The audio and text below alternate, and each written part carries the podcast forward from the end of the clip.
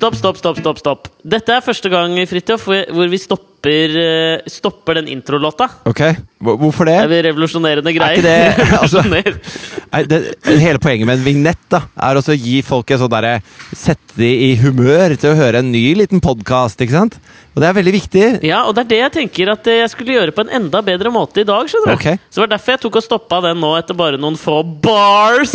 hvis det er det det heter. Ok, ja. Eh, ja, men jeg tenkte liksom at hvis vi nå en gang skal spille inn da eh, sommerpodkast, så tenkte jeg at jeg har jo lyst til at liksom lytterne skal komme i sommerstemning. Ikke i nødvendigvis liksom sånn de som, er, de som er helt nye i dag Nå fikk de en bitte liten sånn smakebit på det som vanligvis er vignetten. Ja. Men så har jeg jo lyst til at folk skal komme i liksom sånn Fordi du er, det er jo ingen som er triste i sommerstemning. Altså, Da er du en sånn som hater jula, skjønner du? Ja, eller du er goth, eller gåt, eller hva faen det heter.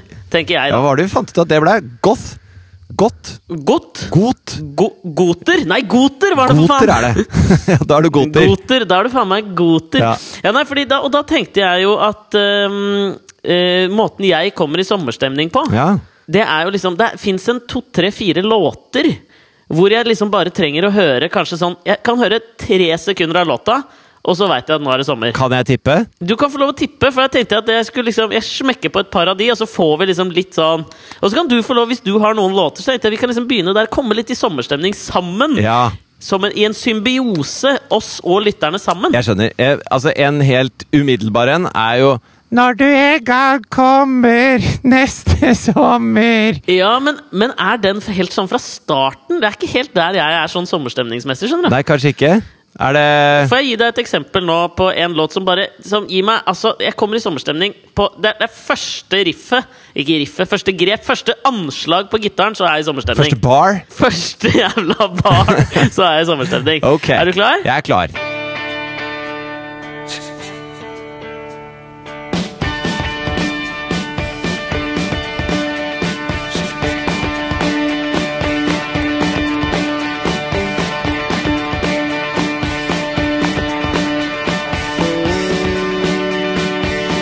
American Girl med Tom Petty og Heartbreakers. Fy faen, Der kom jeg allerede på ding, ding, ding, ding. Der er jeg i Ja, men jeg skjønner godt hva du mener. Jeg får sånn derre Du vet når du kjører Når du kjører Mustang på uh, PCH Når du kjører Når du kjører!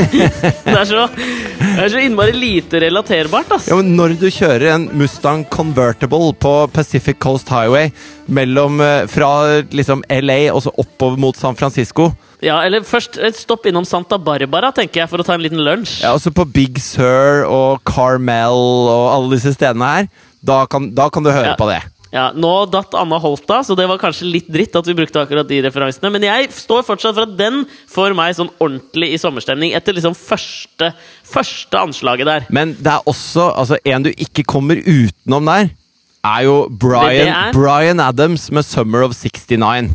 Jeg må si meg knakende så uenig, men ok, vi skal en, jeg skal gi det en sjanse. Ja. Uh, og så kan vi se også om liksom lytterne er enig. Nå smeller jeg på den nå. Ok.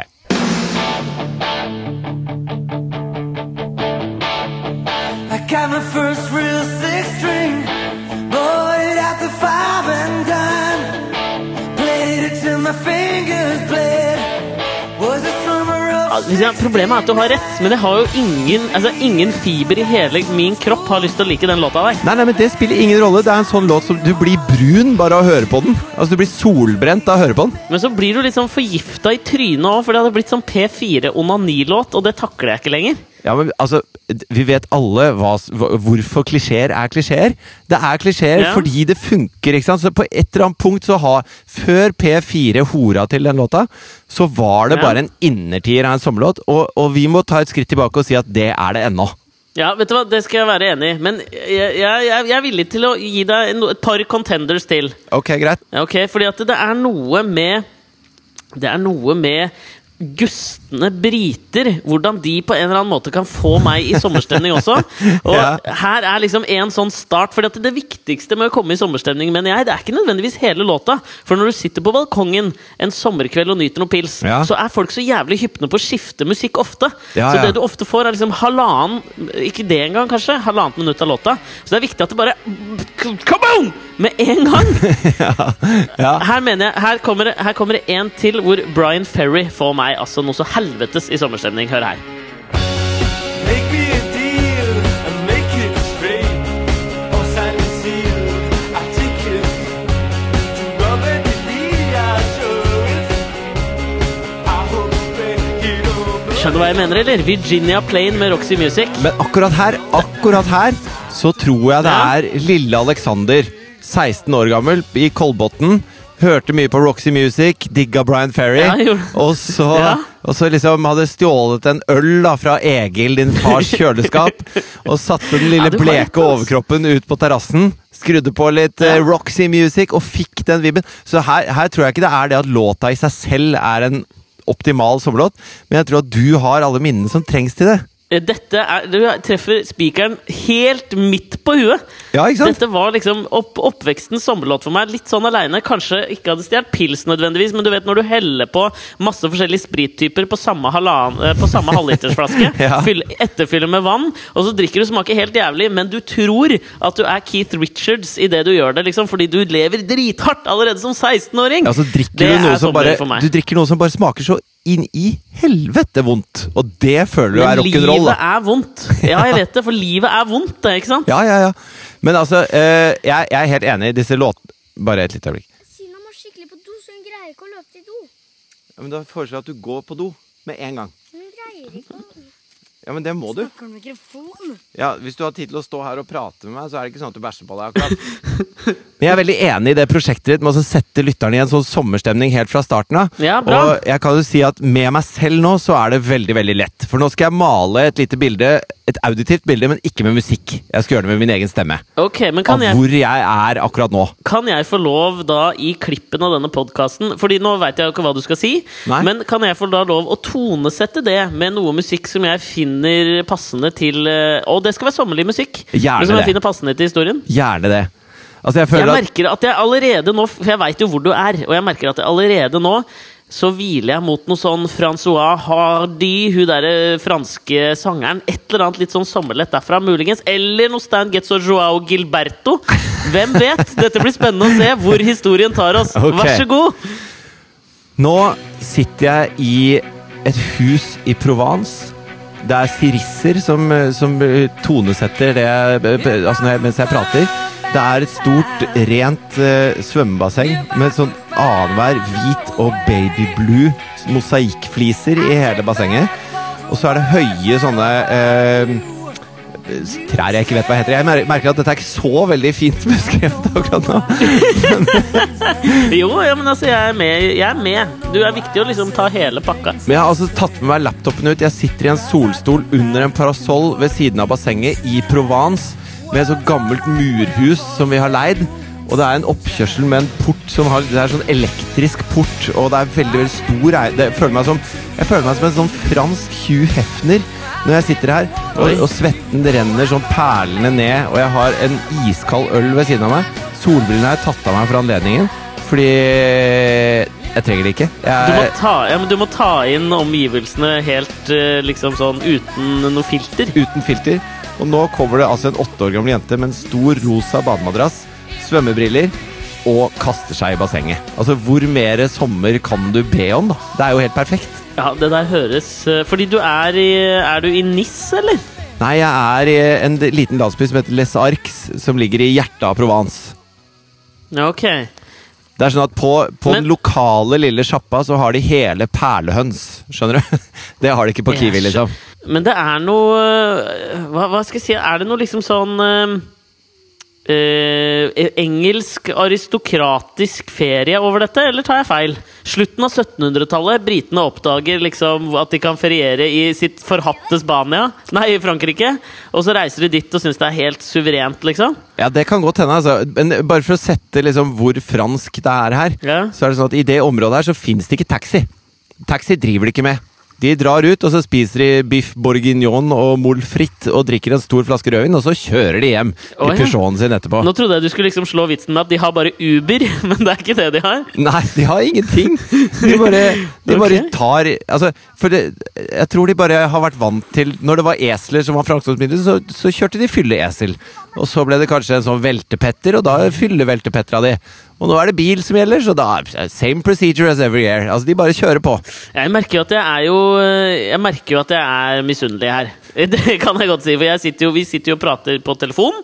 Jeg sitter i gode gamle Oslo, på Grünerløkka. Ja. Og så får jeg liksom servert dette her. Og litt sånn med tanke på eh, En av mine favorittbøker of all time er jo F. Scott Fitzgeralds The Great Gatsby. Og jeg er fullstendig klar over at eh, Gatsby ikke hører til der. Men han og kona Selda det er vel New Hampshire, er det ikke ja, det? altså, men, men F. Scott Fitzgerald og kona Zelda De var jo veldig mye på liksom, rundt den franske riviera og Cannes og liksom nedover der. Uh, og der skrev han jævla mye av Great Gatsby og den boka som kan etter, som het Tender Is The Night. Og Ja. dette skrives jo også jævla mye om i en annen av mine favorittbøker, som er Movable Feast av Ernest Hemingway. Noe som, altså, for meg er dette knyttet til en veldig sånn mystikk og, og dekadanse til akkurat det området der. Sånn at jeg føler at du bør være tjukk hvis du skal være der. skjønner Du Du Jo, bør men- være tjukk, svett og bruke hatt og løse linskjorter og liksom Og ha. Birkenstocks før det Ja, ja, ja! Og så brukte du Birkenstocks før det ble liksom trendy. Du vil at alle skal være Gerard Depardieu? Det er det du prøver å si? Ja, egentlig! Altså, Det passer veldig godt å være Gerard Depardieu i det landskapet du beskriver nå, syns jeg. Men jeg var jo en tur i Cannes i går, eh, og da Ja. eh, hadde jeg jo den motsatte opplevelsen, må jeg si, for jeg dro på sånn badeland i Cannes.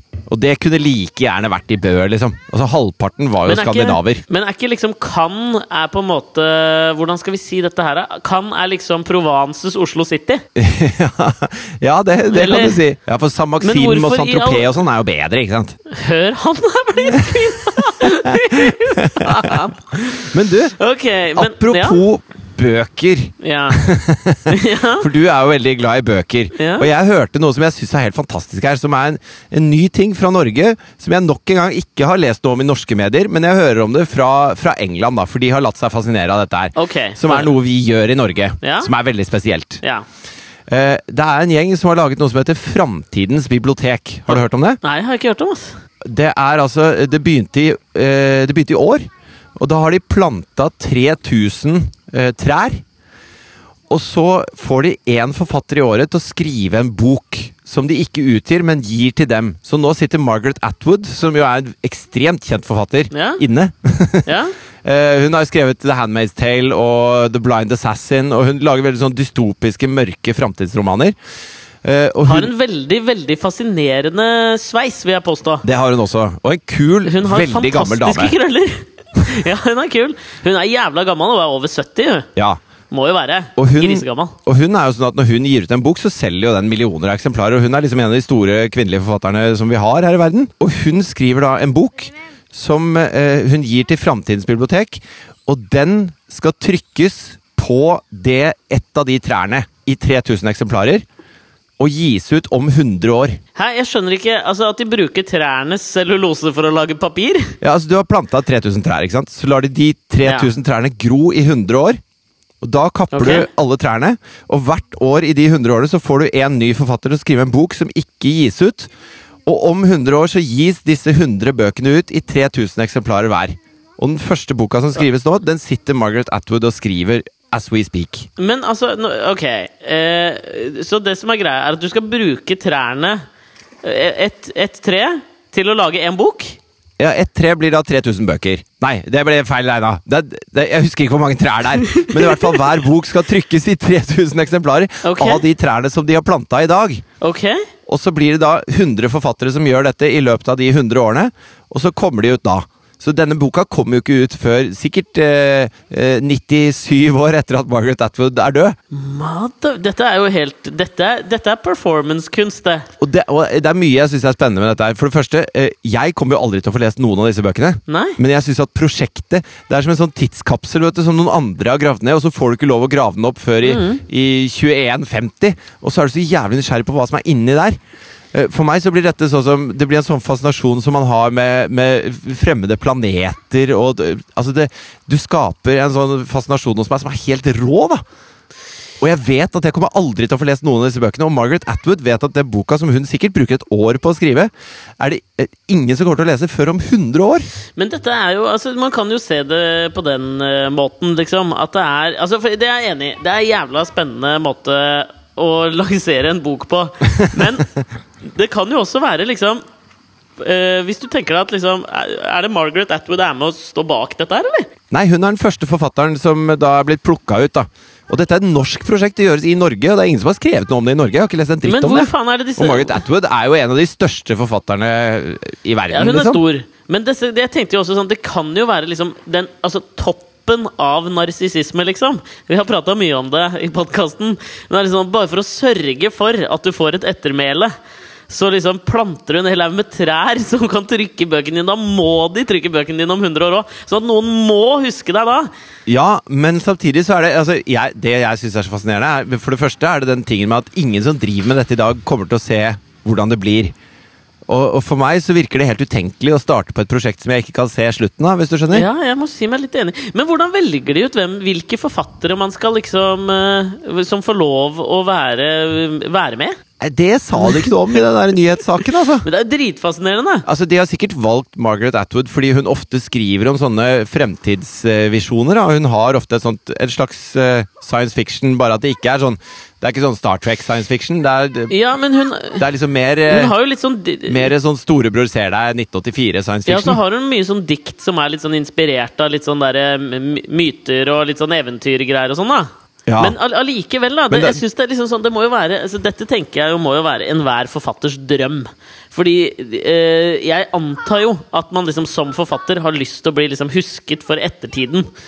Ja, Det tenker jeg må være et mål for enhver forfatter. Liksom. At, du, at du skriver deg inn i en slags litterær kanon. Ja, ja. Og her har du på en måte Her er det jo garantert altså det er liksom sånn, Du er garantert å gjøre det. For de samme tenk, altså Selv om kvaliteten på det du skriver øh, øh, i den øh, det, altså, og i, altså det som skal lages av de trærne Selv om kvaliteten der er litt dårlig, ja. så vil jo liksom alle bare være så jævlig fascinert av det at jeg tipper du liksom sånn Det er ingen som kommer til å slakte den boka, liksom. Tror du det?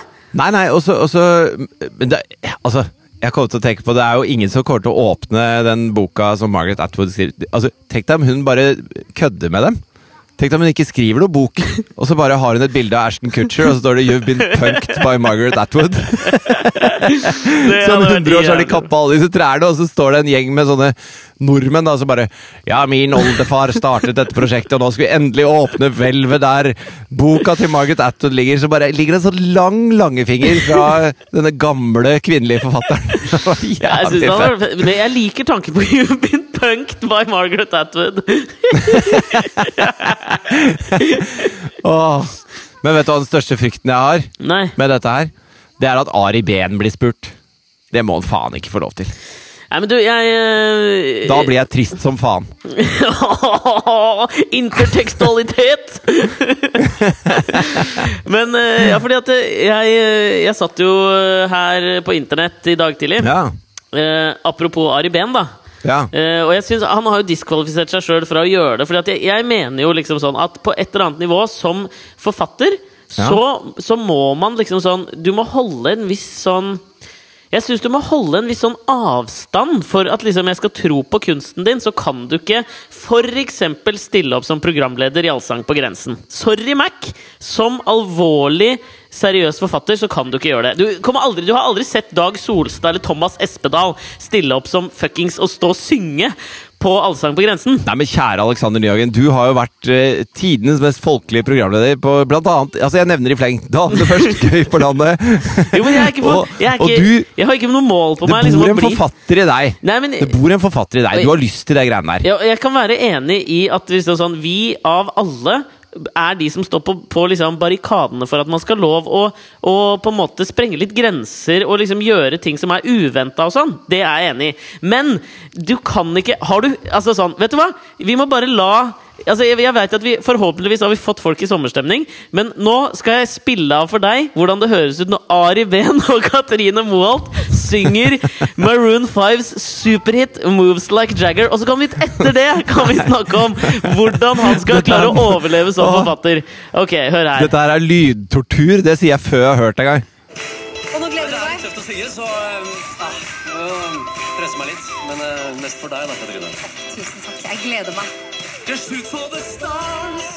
If it feels right, and then for my heart. If you feel like, take me away and make it. Å, herregud. I swear I'll be Det holder vel det, egentlig? Gjør det ikke det? Å, herregud. Hold kjeft, Ari. Å, herregud. Altså, men du skjønner hva jeg mener nå? For at jeg absolutt for at liksom, man skal utvide, vende blad, prøve nye ting, alt mulig. Men jeg er faen meg usikker på om liksom sånn Er det der riktig vei å gå for Ari Behn? Er det det? Jo, men altså, der synes jeg jo altså Hvis man skal snakke om det derre Folk som er i Altså, Ari er jo en del av kongehuset nå, ikke sant? Ja. Og han, det gjør han til noe kongelig. Altså, han er jo det, per def nå.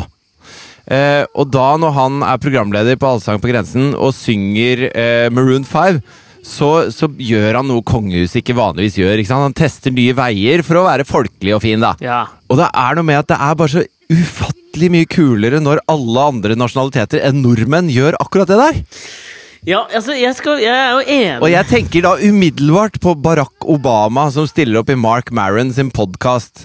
Han ringer en, en eks-alkoholisert eh, komiker som har hatt et jævla Eks-heroinist, vel? Er han det, eller? Drev han med he hero? ja, han har vært kraftig utpå, han fyren her. Altså, Podkasten heter What the fuck. Ja. Og det er sånn, Da venter du ikke at, at Det hvite hus skal ringe og si Du, eh, vi har faktisk en president her som kunne tenke seg å være gjest hos deg. Det er ikke det første du tenker, da.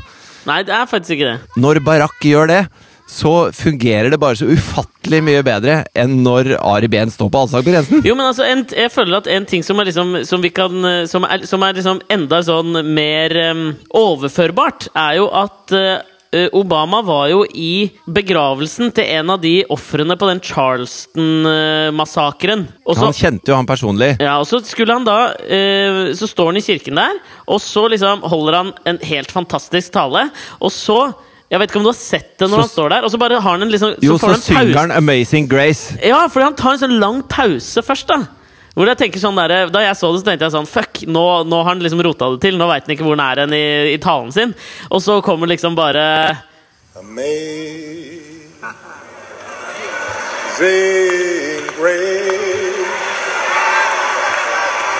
rimelig gåsehud av det der, ass. Og han Altså, han er så Han, vel, han har så timing, da. Altså, som president, når du står der og gjør det så det, det er jo bare Du må bare ta av hatten for fyren, liksom. Ja, det, er det, det er antitesen av Ari Behn. ja, det er faen meg antitesen til Ari. Behn, Altså. Fy faen så fet han er, og fy faen så døv Ari Behn er. Unnskyld! så jævlig døv også. men men eh, eh, nå, nå skal ikke jeg dvele for mye ved den der massakren i Charleston, for det er bare en forferdelig nitrist affære. Eh, Alle taper alt. Det er helt jævlig, liksom. Ja. Men men én ting som jeg har eh, bitt meg merke i med hele greia, som, som jeg har altså, altså, Norge fikk veldig mye ros for hvordan vi takla 22. juli. Ja. Det at uh, ta- Istedenfor å bli uh, sinte og, og sånn, så, så var det blomster og lys, og vi sto sammen og takla det veldig, veldig flott da, som en nasjon. ja. Og, og, det, og det er noe jeg kjenner at eh, jeg blir stolt av å være fra Norge da, når jeg ser det. Enig. Kontra opptøyer og knuste ruter og den greia der. Mm. Mens hvis du ser på hvordan de i Charleston har takla den massakren her, så er jo det Det er jo helt uten sidestykke. Altså, dagen etterpå så sto nære slektninger av de som har blitt drept, og sa at 'jeg tilgir denne mannen'. Jeg gjorde det, eller? Ja, og det, og det er eh, Og det sier de at det, hvis vi skal klare å komme oss videre, liksom, hvis vi ikke bare skal spise såpass sorg, så er det det første skrittet vi må ta. Og det tar de dagen etterpå! Og det er jo Det er jo helt umenneskelig å klare. Ja, ja den syns jeg, fordi jeg er litt sånn på Litt sånn på Jeg er ikke i nærheten av å tilgi Breivik for noen ting som helst. Nei, det var det jeg tenkte litt på. Jeg, var hvis, hvis jeg hadde liksom sånn Og, og tenk deg hvis det liksom er noen som er helt nære deg, da som du mister der, liksom. Da hadde faen meg det hadde, Den hadde Jeg kan ikke helt se hvordan jeg har det i meg. Jeg tror ikke jeg er en så large person. Eller jeg veit ikke. Kanskje det er noe annet hvis du står midt oppi det sjøl. Det veit jeg ikke. Men jeg, ja, den, det er faen meg imponerende. Men spørsmålet er er det for tidlig, liksom. Yep, altså det, det sender jo et tydelig signal til For det han ville, var jo å starte en slags sånn rasekrig, ikke sant? Ja. Og når de da svarer med den mynten der, så, så, så nuller du ut han fyren helt fullstendig. Sånn at det er jo den helt riktige måten å takle det på. Altså, det er et utrolig sterkt signal å sende. Jeg. Men jeg kjenner at hadde det vært meg, hadde jeg sittet der og mista familiemedlemmer på den måten, så tror jeg den, den boka til Margaret Atwood hadde kommet ut lenge før jeg tilga noe som helst. liksom. ja, det, ja, jeg ser den. Altså. Det, er helt, det er sinnssykt imponerende. Men det er jo sånn eh, Jeg er usikker på om det liksom sånn blir for Og dette skal være jævla forsiktig, altså, men om det blir For meg så blir det da kanskje Er det, er det mulig, liksom, er det fysisk mulig dagen etter å stå og si at du gjør det, eller blir det mer en sånn gimmick fordi du liksom vil motvirke det han prøvde? Og jeg sier ikke at det er noe sånn gærent med det, men, Men du, du føler at de later som, liksom? ja, men altså, jeg vet ikke. Er det faktisk mulig? Hvis du har mistet liksom, si sønnen din, da. Og så dagen etter du har jo, Det har jo ikke gått opp Kan jo ikke ha gått opp for deg ennå hva som har skjedd. Nei, altså jeg tror altså det, at, det at man tilgir, betyr jo ikke Det betyr jo sikkert ikke at man ikke sørger, og at ikke smerten er helt udridelig, og at, ikke, altså, at det ikke er noe som skjer lenger i kroppen din. Men, men jeg tror jo at, at du kommer ikke videre før du på en måte eh, Du nærer jo sikkert et sånt helt intenst hat, ikke sant? Ja, for det Og hvis du, bare, hvis du bare fråtser i det, så kommer du jo aldri videre. Da, da får du aldri Da har du ikke noe liv igjen, liksom. Nei, for det er jo sånn uh, uten parallell for øvrig, liksom. Så, så satt jo jeg liksom og venta klokka halv fire på en måte på at vi skulle podde, og så er du for sein, og da nærer jo et intenst hat! og jeg er ikke tilgitt deg ennå, liksom. har du, har du tilgitt Nei, vi får se i neste stykk om jeg har det.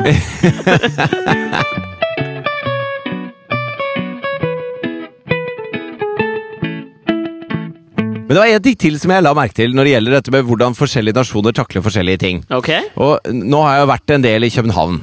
Og, og sett på, sett på uh, københavnesere. Eller liksom Å ja, nå Nei, ja! altså- Du har vært der da du vant Masterchef. Ingen kommentar! ok. Men i hvert fall. Og så sitter vi da og kjører til og fra studio hver dag, ikke sant? Ja. Og da ser du dansker på sykkel. Det er deres eh, Altså, vi er kanskje født med ski på beina, de er født med sykkel mellom beina. Ja. Dansker. Ja. Og det er noe med nordmenn når de sykler, da. Så har de sånne raske sykler og raske klær, og de har det jævlig travelt med å komme seg dit de skal. Og de, de, de, jo vondere, jo bedre, liksom. Og de sjekker pulsklokka for å passe på at du ligger på makspuls på vei til jobben, ikke sant? For da skal du inn og dusje før styremøtet. Ja. Sånn opplever jeg at norske syklister er. Ja, Alle sammen. Ja, altså at det er de motsatte av hun Brelet-dama som driver og sykler og plystrer. Nettopp. Og Brelet-dama, det er København. Ja. Og når, Vi satt og prata om det i bilen, og så se på de folka. For at de ser ut som de koser seg når de sykler. Og så begynte jeg å se, da, og da ble det helt sånn parodisk. For bare i løpet av tre minutter så så jeg et par som leide mens de sykla. Altså, hvor, hvor lykkelig er du da på vei til jobb faen, klokka hater, halv åtte om jeg hater det paret! Jeg hater det auditivt, hater jeg det. Og så stoppa vi et lyskryss, og der var det en dame eh, i sånn litt sånn businessdrakt med sorte pumps. Buksedress? Og i kurven vi- foran så lå det en buksedress? Vi snakker buksedress. Okay. Med sorte pumps. Og eh, altså pumps for dere som er Hva faen er det? ja, For dere som er under 16, altså fjortiser som hører på Alex og Fridtjofs podkast, så er det altså høyhælte sko. Ja, men jeg veit da faen hva det er for noe! Pumps! Pumps er høyhælte sko, da. Er du gift med en som driver med mote, eller? Det er jeg. Det er korrekt. okay. Og så, og så har hun stoppa, så står hun Du vet, når du, når du står med én fot på pedalen i pumps og én fot i bakken, så, så får du liksom Du skyter hofta Du bikker hofta, Ja. og så skyter du brystet litt fram. Og så står hun der og har en sånn nydelig flette, og så står hun og synger ikke sant? på rødt lys. Hva faen synger hun, da? Nei, jeg vet ikke, vi hadde vinduet Jeg igjen. tipper hun sang I got the moves like Jagger. I got the moves like Jagger. Hun sang Amazing Ja. Grace. Hun hadde ingenting med Ari det Behn å gjøre. Og så I tillegg så var det da en fyr rett etterpå som sykler langs eh, sjøene i København. Og han sykler med henda i lomma, altså uten hender. Og så gynger han sånn sakte fra side til side. Han tråkker ikke fort, han tråkker helt rolig, og du ser at han hører på musikk og vinden i håret og sånn. Og jeg bare De folka der, de har det så jævlig bra i forhold til nordmenn. Ja, men Nordmenn, er, Hvis de skal sykle, så er det for å brenne opp kalorier, liksom. Da er det for å ta den baconpakka du spiste i går. Det er ikke, det er ikke noe kos over det. Vi må kose oss mye mer. Vi må lære av Frankrike. Vi må, vi må bare slutte å ha taxi. Vi må fyllekjøre og fyllesykle og kose oss og synge og leie.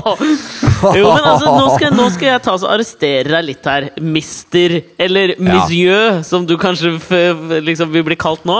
Eller mister her, eller hva faen de sier i Danmark. Men fordi dette har jeg tenkt veldig mye på når du og jeg går sammen på gata. Fordi mens jeg har mer den litt sånn afrikanske, til og med, tilnærmingen til spankuleringen og flanøriteten, og jeg liksom går gjennom bybildet og tar inn- inntrykk og spankulerer, så er du veldig målretta og går med lange skritt, ser ned tjun, tjun, tjun, tjun, tjun. Så det gjelder det samme på gåing. Ja, men jeg opplever ganglaget vårt forskjellig fra deg. Ja, men det er nøyaktig det samme. Jeg tror, vet du hva, Neste gang når du kommer hjem, så skal vi ta en liten gåtur. Så skal jeg lære deg hvordan du kan ta inn liksom, verden rundt deg i ganglaget. Det er jeg ganske god på, skjønner du. Altså, nå, eh, nå skal jeg beskrive våre to ganglag, Mm. og, så, og så Nå har du gjort det, så skal jeg gjøre det. Ja. Og så skal vi filme oss to som går på et eller annet punkt, og legge det ut. Og så kan dere se hva dere syns, hvilken forklaring dere syns passer best. Det er greit. Her er min opplevelse av å gå sammen med Alexander. Yeah. Fordi at du har ikke et, du har ikke et spankulerende, eh, livsbejaende, inntrykksnytende ganglag. Hva? Du har mye utfall, sånn at, det- sånn at tærne dine peker ut til hver side. Noe som gir deg en chaplinsk holdning. Ja. Uten chaplins tempo. Mer som en and. Føler jeg. Du er i tempo. Du er en chaplinsk Donald-gange, på en måte. Ja.